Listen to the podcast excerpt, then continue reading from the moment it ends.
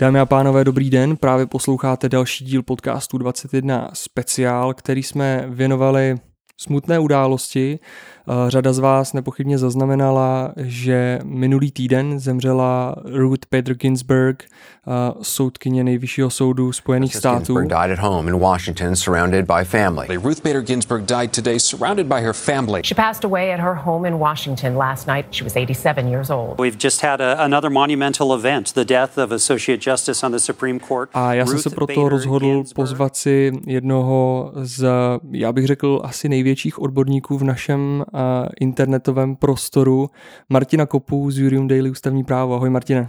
Čau, čau, čau, čau. Kdo byla Ruth Bader Ginsburg?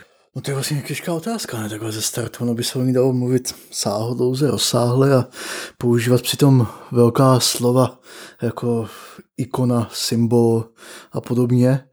Ale já myslím, že možná nejlepším důkazem o tom, kým Ruth Bader Ginsburg, neboli zkráceně RBG, jak se jí říkalo, kým byla, eh, tak byla třeba ta reakce na její smrt. Mi se strašně líbilo, reakce veřejnosti na její smrt. Mi se strašně líbilo, že v prvních hodinách po té, co ta informace se zveřejnila, tak eh, se tisíce lidí začali scházet před nejvyšším soudem USA, aby ji prostě uctili, aby se na ní vzpomenuli, složili tam květinu, svíčku, zapálili ji a vzpomenuli se na ní. A eh, to podle mě, pokud takový sentiment a takovou reakci ve společnosti vyvolá soudce, tak to mluví samo o sobě mnohem, mnohem silněji než, než sebevětší slova, který, který bych mohl použít. Ona totiž byla soudkyně, které záleželo na lidských osudech, na lidech a lidem záleželo na ní. A mám pocit, že ta člověčina, když to tak jako řeknu, která z ní číšela, i z jejich rozhodnutí, z jejich disentů, tak byla to, proč byla i ve společnosti uh, tak oblíbená. Je fakt pravda, že ona se těšila na soudce, na vlastně člověka z konzervativního oboru, obrovské popularitě. Jo, prostě se prodávaly trička, natočily se o ní uh, repové songy, uh, natočilo se uh, řada rozhovorů, dva filmy, jeden dokumentární a druhý hraný, založený vlastně na uh, jejím životě. Často se zmiňuje, že ona patřila právě k těm uh, liberálním soudcům, k tomu liberálnímu křídlu.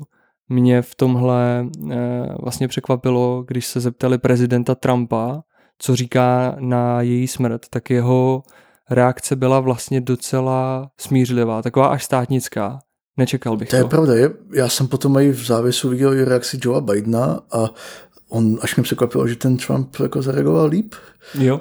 Jo. A bylo to, bylo to zase prostě takový lidský a v, i když spolu měli minulosti spor, spory, protože v, před předchozími volbami Ruth Bader Ginsburg právě podle mě i za hranou soudcovské etiky si trošku uh, dovolila okomentovat, co by se mohlo stát, kdyby se Trump stal prezidentem. Ano. Uh, tak přesto vlastně, já jsem byl z toho překvapený a asi to byla možná nejstátičnější, nejstát tničtější, to je těžké slovo, reakce, uh, jakou jsem od Donalda Trumpa kdy viděl. No.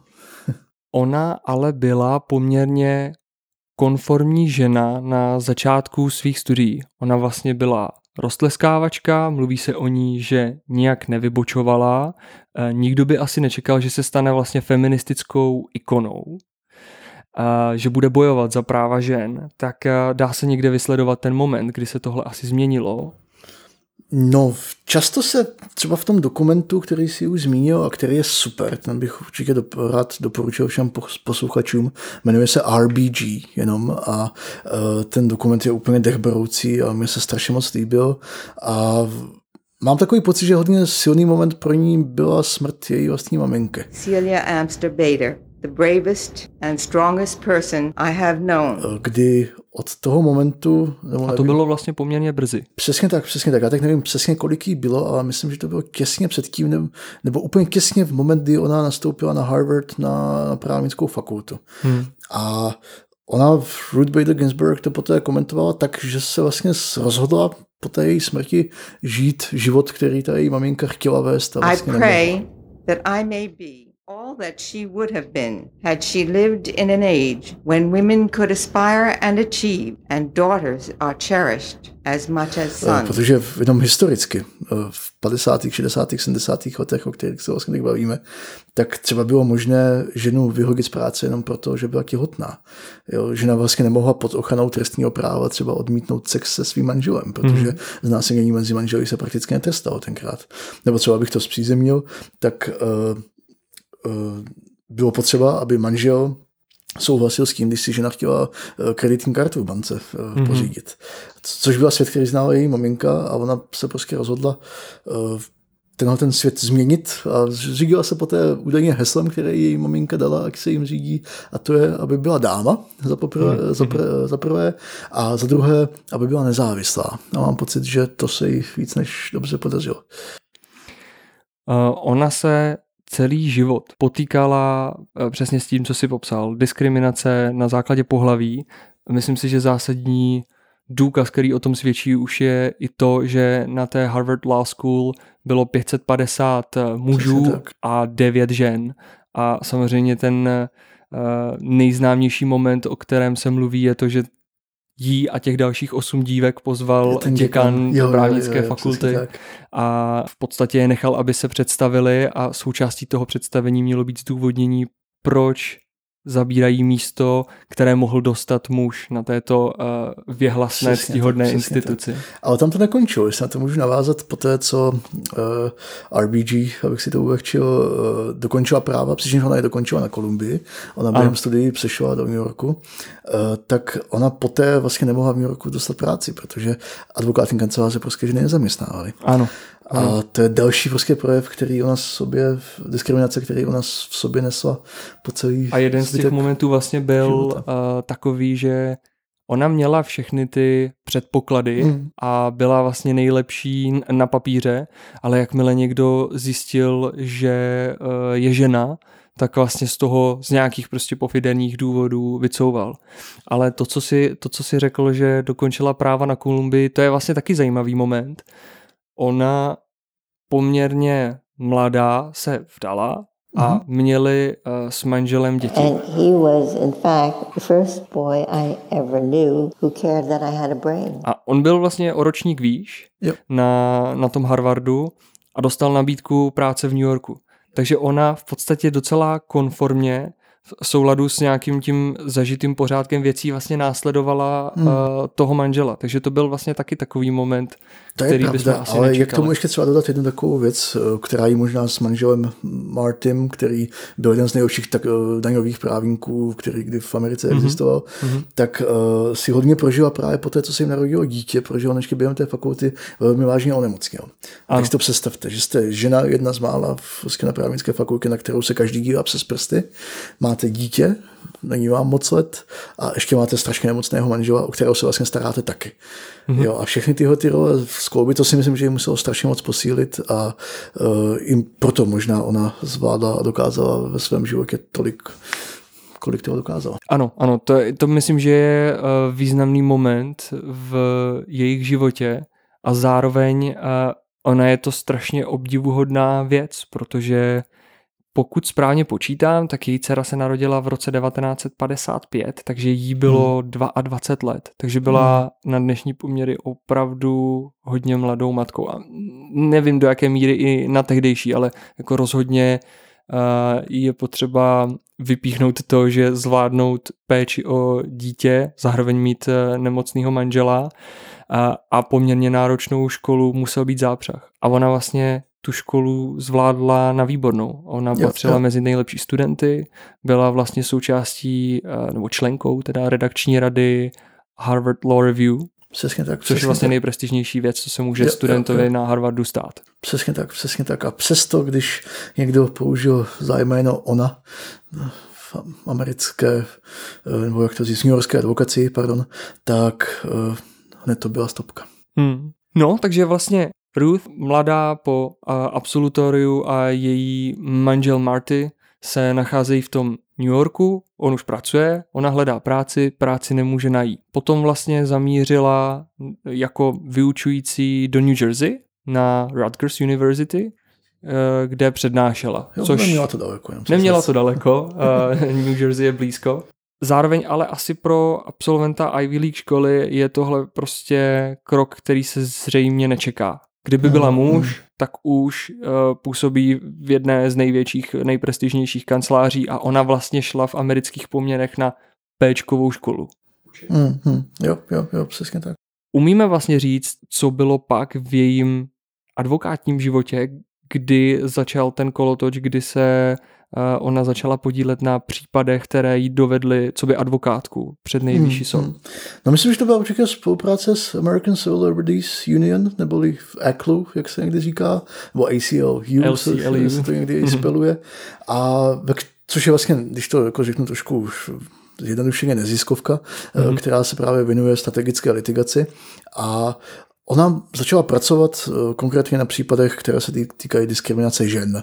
Mm-hmm. A měla několik menších případů, kde je třeba zajímavé, že se snažila pomáhat i mužům. Ona se snažila dokázat to, že diskriminace je špatná i na tom, že zastupovala muže, nejen ženy. Ale mám pocit, že ten největší průlom se jí podařil až poté, co poprvé vyhrála u, u nejvyššího soudu USA a to bylo ve věci Frontiero, mm-hmm. což já si teď nepamatuju přesně, v jakém to bylo roce, ale bylo to podle mě její nej, největší průlom, kdy se zapsala uh, jako známá advokátka specializovaná na diskriminaci právě v rovině ústavního práva u nejvyššího soudu.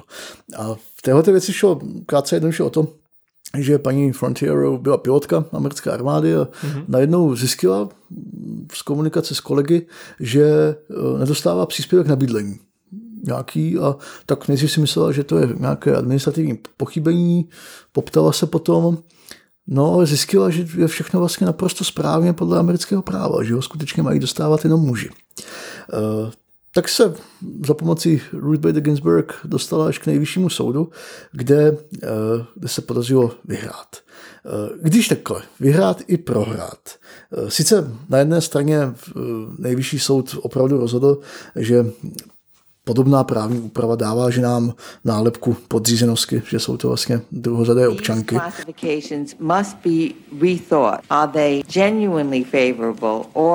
Are they indications of stereotypical thinking about the way women or men are? A tak nějak drží ženu na jejich místě, jak to tehdejší společnost vnímala. Mm-hmm. V tomhle tomu uspěla. Nicméně, ona Ruth Bader Ginsburg se snažila i o to, aby pohlaví se vlastně dostalo na roveň rasy jako takzvané podezřelé kritérium odlišného zacházení, když bych použil slovník diskriminačního práva. A to je zároveň hodně citlivé téma a citlivé srovnání v Přesně Americe. tak, přesně tak, ale když se vám podaří nějaký zakázaný důvod odlišného zacházení dostat právě do té kategorie podezřelého kritéria, hmm. tak uh, ten přeskum soudní je mnohem intenzivnější. Jo, o což ona se snažila, ale 5-4 prohrála v téhle té věci. Takže uh, bylo vlastně z jejího pohledu, že jí často ne, nešlo, no takhle, šlo jí určitě i o toho konkrétního žalobce, ale šlo jí i o obecnější problém a tady ještě neuspěla. Ale zase dobře věděla, že to prostě chce čas. A já jenom doplním, je to případ z roku 1973. Takže ale vlastně to je zajímavá věc, Vzhledem k tomu, že studovala a dokončila školu v 50. letech, tak je to vlastně uh, relativně pozdě, nebo je to hodně dlouhá doba. To je pravda, to je pravda, ale přece jenom to v životě právníka chvilku trvá, než se zaběhne, a to je, a to je taky než pravda. se chytí. A ona také i akademické úspěchy sklízela na Rutgers, protože tam učila vlastně snad možná jeden z prvních předmětů zaměřený na gender a právo a věnovala se diskriminaci uh, na základě pohlaví a genderu uh, již v tehdejší době, takže nemám pocit, že by se nějak flákala nebo že by jí to nešlo, ale uh, podařil se jí tenhle ten velký úspěch a mám pocit, že od té doby, od té doby to jelo. Ona zastupovala celou řadu žalobců nebo žalobkyň. Tam je ten důležitý moment, jak si správně říkal, že uh, to byli i muži a nejenom Hmm. ženy. Mně se strašně líbí, jak vlastně se na tom snažila ukázat, že ty jednostranné pravidla nepoškozují uh, jenom ženy. Jo, ale jo. ve finále dopadají špatně Přesně. i na muže. O tom je přesně případ Wiesenfeld zase a Mhm. mm-hmm. tam vlastně šlo o to, že panu Wiesenfeldovi zemřela po porodu manželka a on poté zjistil, že nemá nárok na, to se jmenovalo podle práva, mateřský příspěvek, který v úplně v identické situaci, kdyby umřel on, tak by jeho manželka dostávala. A trošku mi to připomíná zase v rámci českých reálí na podobné téma je rozsudek Evropského soudu pro lidská práva ve věci Androje proti České republice, který hmm. se tak trošku zjednodušeně řečeno týká toho stejného. A ona opět uspěla v této věci u nejvyššího soudu a právě přesně jak říkáš, jí se podařilo na, na základě tohoto případu prokázat ten úplně jednoduchý princip, že prostě diskriminace opravdu škodí všem, jak už probíhá eh, na základě jakéhokoliv toho zakázaného důvodu. Mm-hmm. No tohle je poměrně těžká věc eh, v Americe prosadit, protože jak to vzdáleně sleduju, tak mám pocit, že jejich právní systém, jak je postavený na těch precedentech, tak v hmm. momentě, kdy se těch víc nabalí, už je to prostě obrovská masa soudních rozhodnutí, které se nedají zvrátit. Ona to chápala tak, že se vlastně už uh, ta doba posunula a proto ten soud může rozhodnout jinak. Jo, jo. Protože prostě pracuje s jinou společenskou realitou. Jo, to vlastně Antonin Scalia, kdyby tě tak slyšel, tak by se mu to moc nelíbilo, ale je pravda, že ona takto smýšlela a vlastně nejvyšší soud byl jediný, kdo to právo v tomto směru tu judikaturu svoji mohl změnit. Takže ona proto i často cílila na případy, se kterými se mohla dostat až tak vysoko.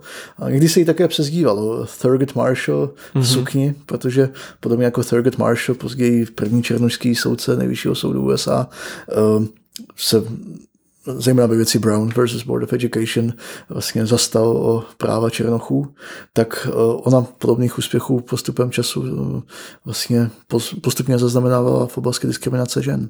Komu unikl uh, Martinův vtípek s Antoninem Scaliou, tak uh, vězte, že jde o to, že on byl mezi soudci známý tím, že patřil k kategorii nebo hnutí originalistů, to znamená uh, soudců, kteří vykládají ústavu tak, jak byla napsána, způsobem, který zamýšleli uh, vlastně otcové zakladatelé nebo ti, kteří uh, ji napsali. Možná právě hodně lidí překvapí, že Ruth Bader Ginsburg a Antonin Scalia byli nejlepší kamarádi. A to je výborný můstek. Přesně tak, protože oni, každý si myslel o právu úplně něco jiného a přesto se měli rádi a právě Antonin Scalia vždycky říkal, že pokud je člověk soudce, tak to prostě nemůže nic z toho brát osobně, jinak si mm-hmm. musí najít jinou práci. Mm-hmm. A pokud eh, prostě nebojuje jenom s myšlenkami a s ideí, ale s s konkrétními lidmi, tak většinou blbě skončí. A mám pocit, že to je naprostá pravda. A tohoto přátelství právě mnohé zarazilo, jak zrovna ona, jak si liberál, nebo vůdkyně liberálního křídla na nejvyšším soudě a on, ten pravý opak, jak spolu mohli kamarádit. A současně také musím říct, že oba dva v mých očích byli třeba za posledních 30 let určitě eh, největší osobností amerického práva. Rozhodně. Bez přehánění. Rozhodně. A vlastně v našich předchozích podcastech o právním psaní jsme Skaliu hodně jo, jo. Uh, zmiňovali, takže ten jeho význam se asi dá uh, připsat uh, tomuhle boji za lepší podání a, a RBG bojovala za práva žen. Ještě bych ale připomněl zajímavou věc a to je to, že oni měli oba rádi muzikály a mm-hmm. jeden muzikál byl o nich dokonce Přesně napsán tak. a zpracován. Takže zase se vlastně dostáváme k tomu, že konzervativní povolání, lidi z hodně konzervativního oboru, který by se měl vlastně stranit takové popularitě, tak nakonec jsou jako hodně populární natolik, že se z nich stanou takový vlastně hvězdy. A, a dokonce si vybavují nějakou fotku, kde oni oba dva v kostýmech, že snad nějakou scénu si v tom muzikále i střihli. A Ruth Ginsburg, myslím, že i víckrát, že ve Washingtonu si nějakou epizodní roličku v nějaké opeře nebo muzikálu jako zahrála nějakou minutovou třeba. A to je vlastně super. Um, posuňme se ale dál v jejím hmm. životě, kdy se stává soudkyní. Hmm. Bylo to v roce, no to jsem teď zase zapomněl přesně ten rok, ale do soudcovské funkce ji jmenoval Jimmy Carter, hmm. nejdříve na DC Circuit, kdy opět to jako zdůvodnilo tak v mých očích hezky, protože já obecně jsem velký zastánce diverzity prakticky kdekoliv. A on tvrdil, no, to je zajímavé, že já když se dívám na americkou společnost, tak ona nevypadá tak, jak vypadá v soudnictví a není zastoupeno stejně. Tak já s tím zkusím něco udělat a právě kromě zástupců menšin, tak uh, jmenoval na DC Circuit i uh, Ruth Bader Ginsburg. Ale poté v roce 93, jestli se nepletu... reflection, I am proud to nominate for Associate Justice of the Supreme Court Judge Ruth Bader Ginsburg of the United States Court of Appeals for the District of Columbia. I will send her name to Tak Bill Clinton to fill the vacancy už jmenoval created RBG by na nejvyšší soud. Přesně tak. A bylo to 13 let po tom jmenování na DC Circuit. Jo, a jo, takže teď se tady 80. Koukám, je to Mhm. 1980 rok. Jo, já ty roky si blbě pamatuju, se omlouvám, špatná Od toho, jsem, od toho jsem tady já, a, abych to doplnil. Uh, no a zajímavá věc byla i ta, že ona uh, nebyla vlastně uh, kontroverzní nominantkou, alespoň co do toho hlasování Mhm. v Senátu. Jo, no to vůbec, to ještě tenkrát ty confirmation hearings byly prostě úplně jiná písnička. Bych teda v- to, co to všechno spustilo a proč se confirmation hearingy staly politickými hodně, tak bylo, když zařízli Roberta Borka, kdy v 80. letech, myslím, na konci 80. letech, si to dobře pamatuju. A to se dokonce uh, slovíčko Borg se používá v angličtině jako někoho zaříznout od té doby, právě kvůli tomuhle. A, a od té doby, protože on, on byl taky obrovský originalista, on tenkrát neprošel, a od té doby se to víc a víc politizuje až do, já se třeba úplně děsím, co se bude teď dít po, po smrti Ruth Bader Ginsburg, obzvláště pokud by ten confirmation hearing měl proběhnout ještě před volbama, mm-hmm. do kterých nám zbývají ani dva měsíce. Takže to asi nebude pěkný. A uh, myslím, že to bylo snad nějak 96-3, to hlasování v Senátu tenkrát. Antonin Scalia, když prošel, tak on během svého confirmation hearingu třeba, on, on během toho kouzil fajfku. jo. Ano, ano, to jsou vlastně slavné fotografie. Tak, tak. Takže to vypadalo úplně jinak a ona prošla vlastně bez problému. No, byť jako eh, samozřejmě svoje, svoje, jak to říct, myšlenky v svojí filozofii vůbec netajila, nebyla tak vlastně ostražitá, ale také zavedla jednu takovou zajímavou věc, na kterou se často odkazuje, že byla vlastně první, nebo se to tak aspoň prezentuje, kdo jako odmítal těm senátorům odpovídat, jak by rozhodli v konkrétní věci, nebo jestli by třeba překona, hlasovali pro překonání nějakého precedentu. Mm-hmm. Že prostě řekla, ne, to pod mě chtít nemůžete, protože já jsem soudce nezávislý, nebo soudkyně a budu jim, doufám, a na toho já prostě považuji, považuji to za neetické, abych na tohle odpovídal. A od té doby každý další nominant se na ní odkazuje, že podle vzoru Ruth Bader Ginsburg na tu otázku nebude odpovídat. Mm-hmm. Takže to, i tohle je vlastně její přínos.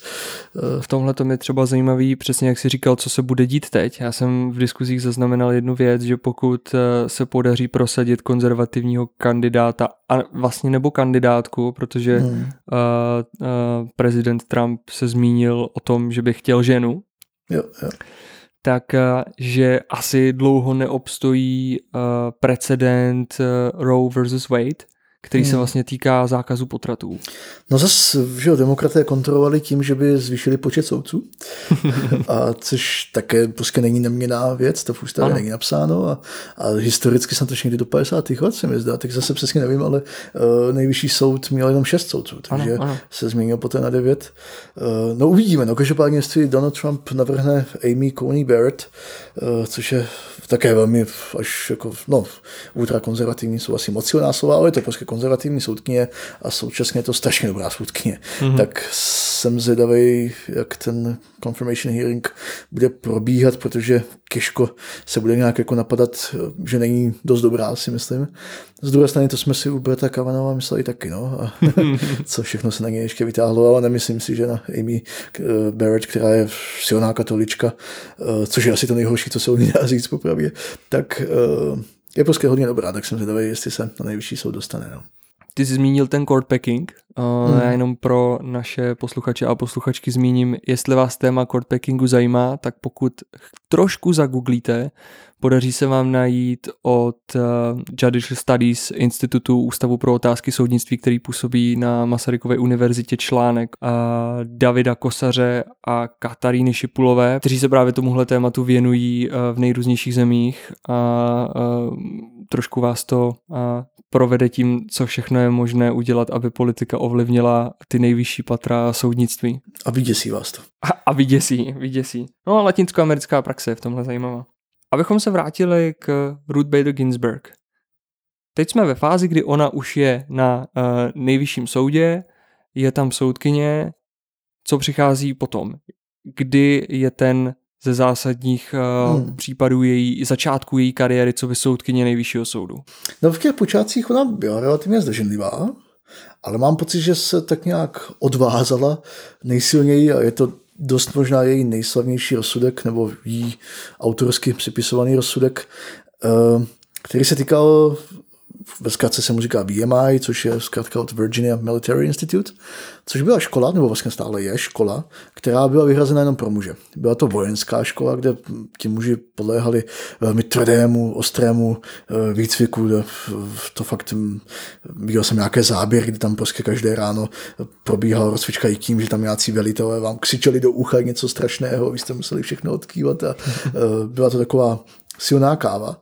No a samozřejmě v, v tuhle školu, eh, která byla velmi prestižní a mnoho jejich absolventů poté se stalo slavnými virginskými a nejen virginskými celoamerickými politiky, tak eh, se samozřejmě objevily kandidátky, které tu školu chtěly studovat. A přesně tuhle tu otázku poté uh, řešil nejvyšší soud, jestli je to diskriminační, pokud tato škola s takovou tradicí uh, nepřijímá ženy, prostě natvrdo. A uh, v této věci Ruth Bader Ginsburg napsala, že o diskriminaci jde. A navíc uh, sehnala dostatečný počet soudců, kteří, kteří s ní souhlasili na nejvyšším soudě. A ta myšlenka vlastně na pozadí celého tohoto případu je, je velmi jednoduchá. Ona prostě tvrdila, že i ženy zvládnou to, co muži v jejím vidění a že zkrátka nedává moc smysl, proč jim to upírat. A že pokud prostě dokážou, pokud zvládnou ten drill, proč jim vůbec zavírat ty dveře, aby ho mohli podstoupit, pokud to sami dělat chtějí. A už dnes velký počet absolventek této školy dokazuje, že měla pravdu a že opět ty předsudky, které samozřejmě se tvrdilo i v průběhu toho řízení, že ta škola je prostě příliš tvrdá na ženy a že by ji nezvládli, tak se ukázalo, že nemají žádné rácio. Mm-hmm. Mně se zdálo z jednoho případu, a Bush versus Gore, mm-hmm. že ačkoliv ona byla liberální, tak v tomhle případu vyzdvihla uh, něco, co si myslím, že se obecně připisuje spíše konzervativním soudcům a to je otázka vlastně práv států. State jo. rights. No jako vlastně napadlo, že to je vlastně jako tak konzervativní si myslet, že státy mají nějaký právo, do kterých by federace neměla zasahovat, ale je to možný, jo, jo jak, jak to říkáš, když nad tím tak přemýšlím nahlas. Dejme tomu, ale začnu ještě odinut. On Bush v Gore je strašně složitý case a ono podle mě se trošku ještě zamlžuje v tom, že ono v té hlavní otázce, jestli prostě floridské právo počítání hlasů, jestli to je jejich volební právo, jestli porušuje ústavu, tak ono to bylo 7-2. Mm-hmm. Takže ono to vlastně bylo jako v tom té meritorní hlavní otázce jako docela jasný. Mm-hmm. A kde byl problém, tak v tom, jestli prostě ukončit to počítání nebo ne, kde to bylo 5-4. Jo? A Ruth Bader Ginsburg vlastně byla v obou těch v aspektech v menšině a ona právě jako tvrdila, že najednou podsouvá politické důvody k těm většinám. Eh, najednou prostě byla ta tam zdrženlivost eh, nejvyššího soudu. Vůbec v tom, jestli ten case měl přijmout a jestli se neměl deferovat eh, nebo prostě sám sebe omezit vůči výkladu toho floridského práva, jaký vykládal floridský nejvyšší soud. Mm-hmm. Takže ona tvrdila, my jsme to vlastně asi neměli vůbec brát a měli jsme nechat floridské soudy, jak, jak si to rozhodnou, jak si to rozhodnou, případně poté na to jít, že jo. No a Navíc poté prostě nesouhlasila i s tím, s tím meritem, že jí nepřipadlo, nepřipadlo to forické právo v rozporné s ústavou. No. Mm-hmm. A takže ona spíš napadala konzervativce, kteří byli v obou těch většinách, eh, za to, že vlastně podobně jako ty před chvilkou říkal u originalistů, takže najednou zapomněli na ty svoje principy. Mm-hmm. No. A mhm. je pravda, že prostě velmi, nechci říkat, že formálně, ale velmi se zastala práv států a prostě řekla, obzvlášť když jde o volby v, v tom státu, takže by to, co se doma upeče, tak eh, by se mělo prodávat dál. No.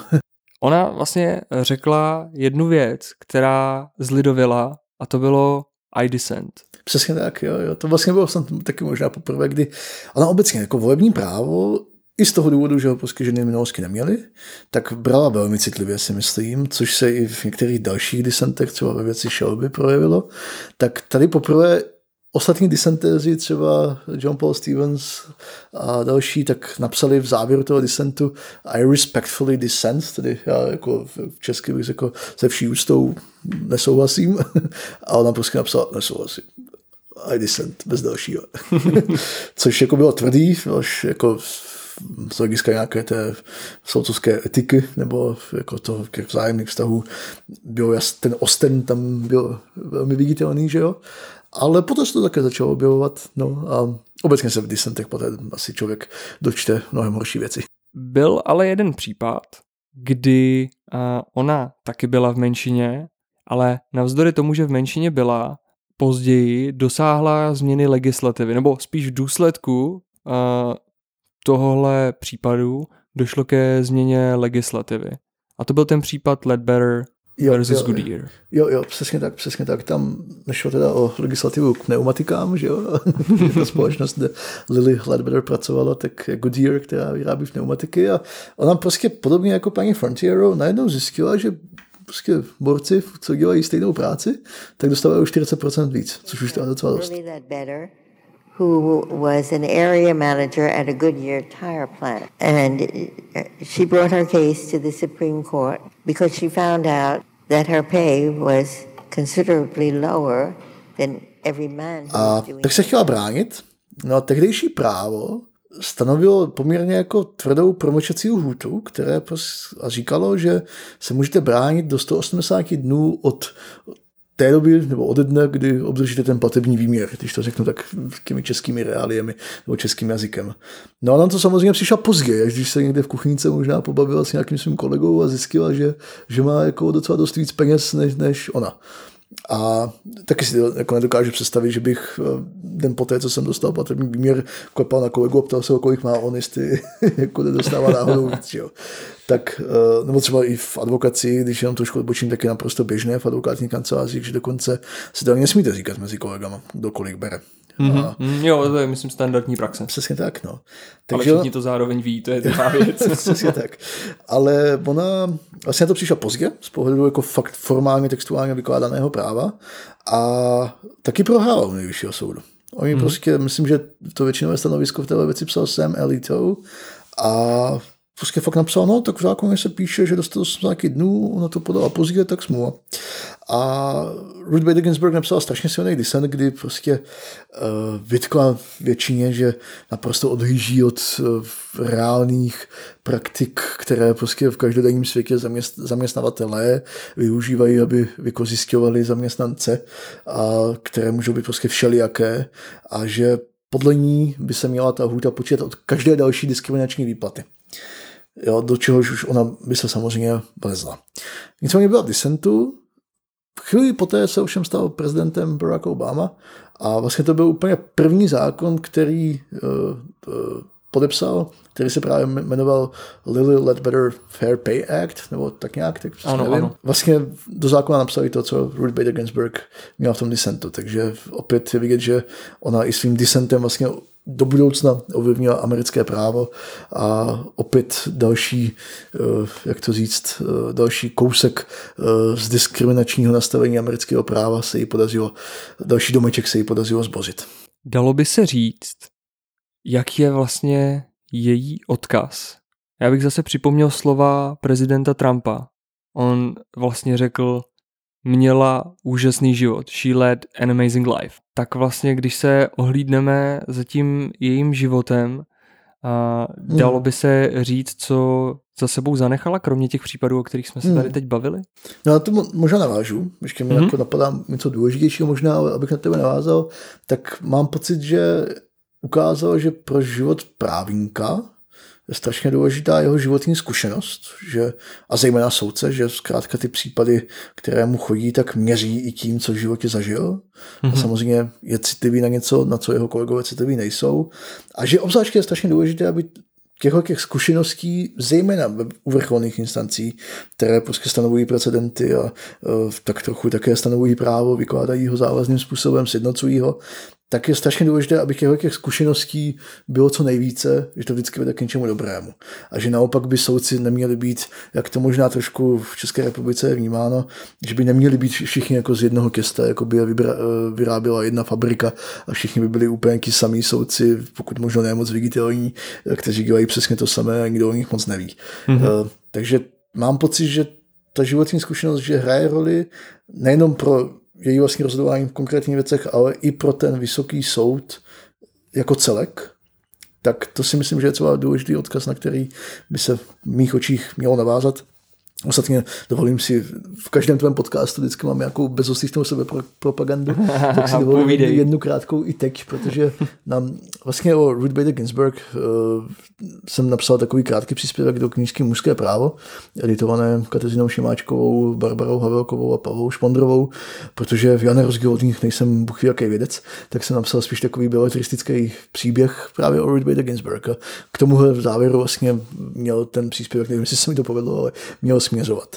Na druhý odkaz tak je samozřejmě v oblasti zejména toho diskriminačního práva, protože ona podle mě mnoha lidech což se ukázalo v té reakci na její smrt. V mnoha lidech poprvé vyvolala dojem, že ústava vůbec chrání, že, že na ně vlastně mm-hmm. i ta ústava pamatuje, což je, což je strašně silný pocit, když vyhrajete něco u nejvyššího soudu, nebo v českých reálích u ústavního soudu, nebo u SLP, tak eh, to v člověku samozřejmě zanechá eh, silný dojem a i když tam třeba člověk žádnou věc neměl, to se že žádnému američanovi, nebo každému američanovi se to za celý jeho život nemusí poštěstí, mm-hmm. naštěstí, tak uh, i přesto z jejího rozhodování, z jejího veřejného vystupování, z jejich disentů, z rozhovorů s ní, měli prostě samozřejmě často uh, osoby s menšinovým pozadím, uh, ženy a uh, další, řekněme, marginalizované skupiny, nebo abych to zobecnil, skupiny, na které,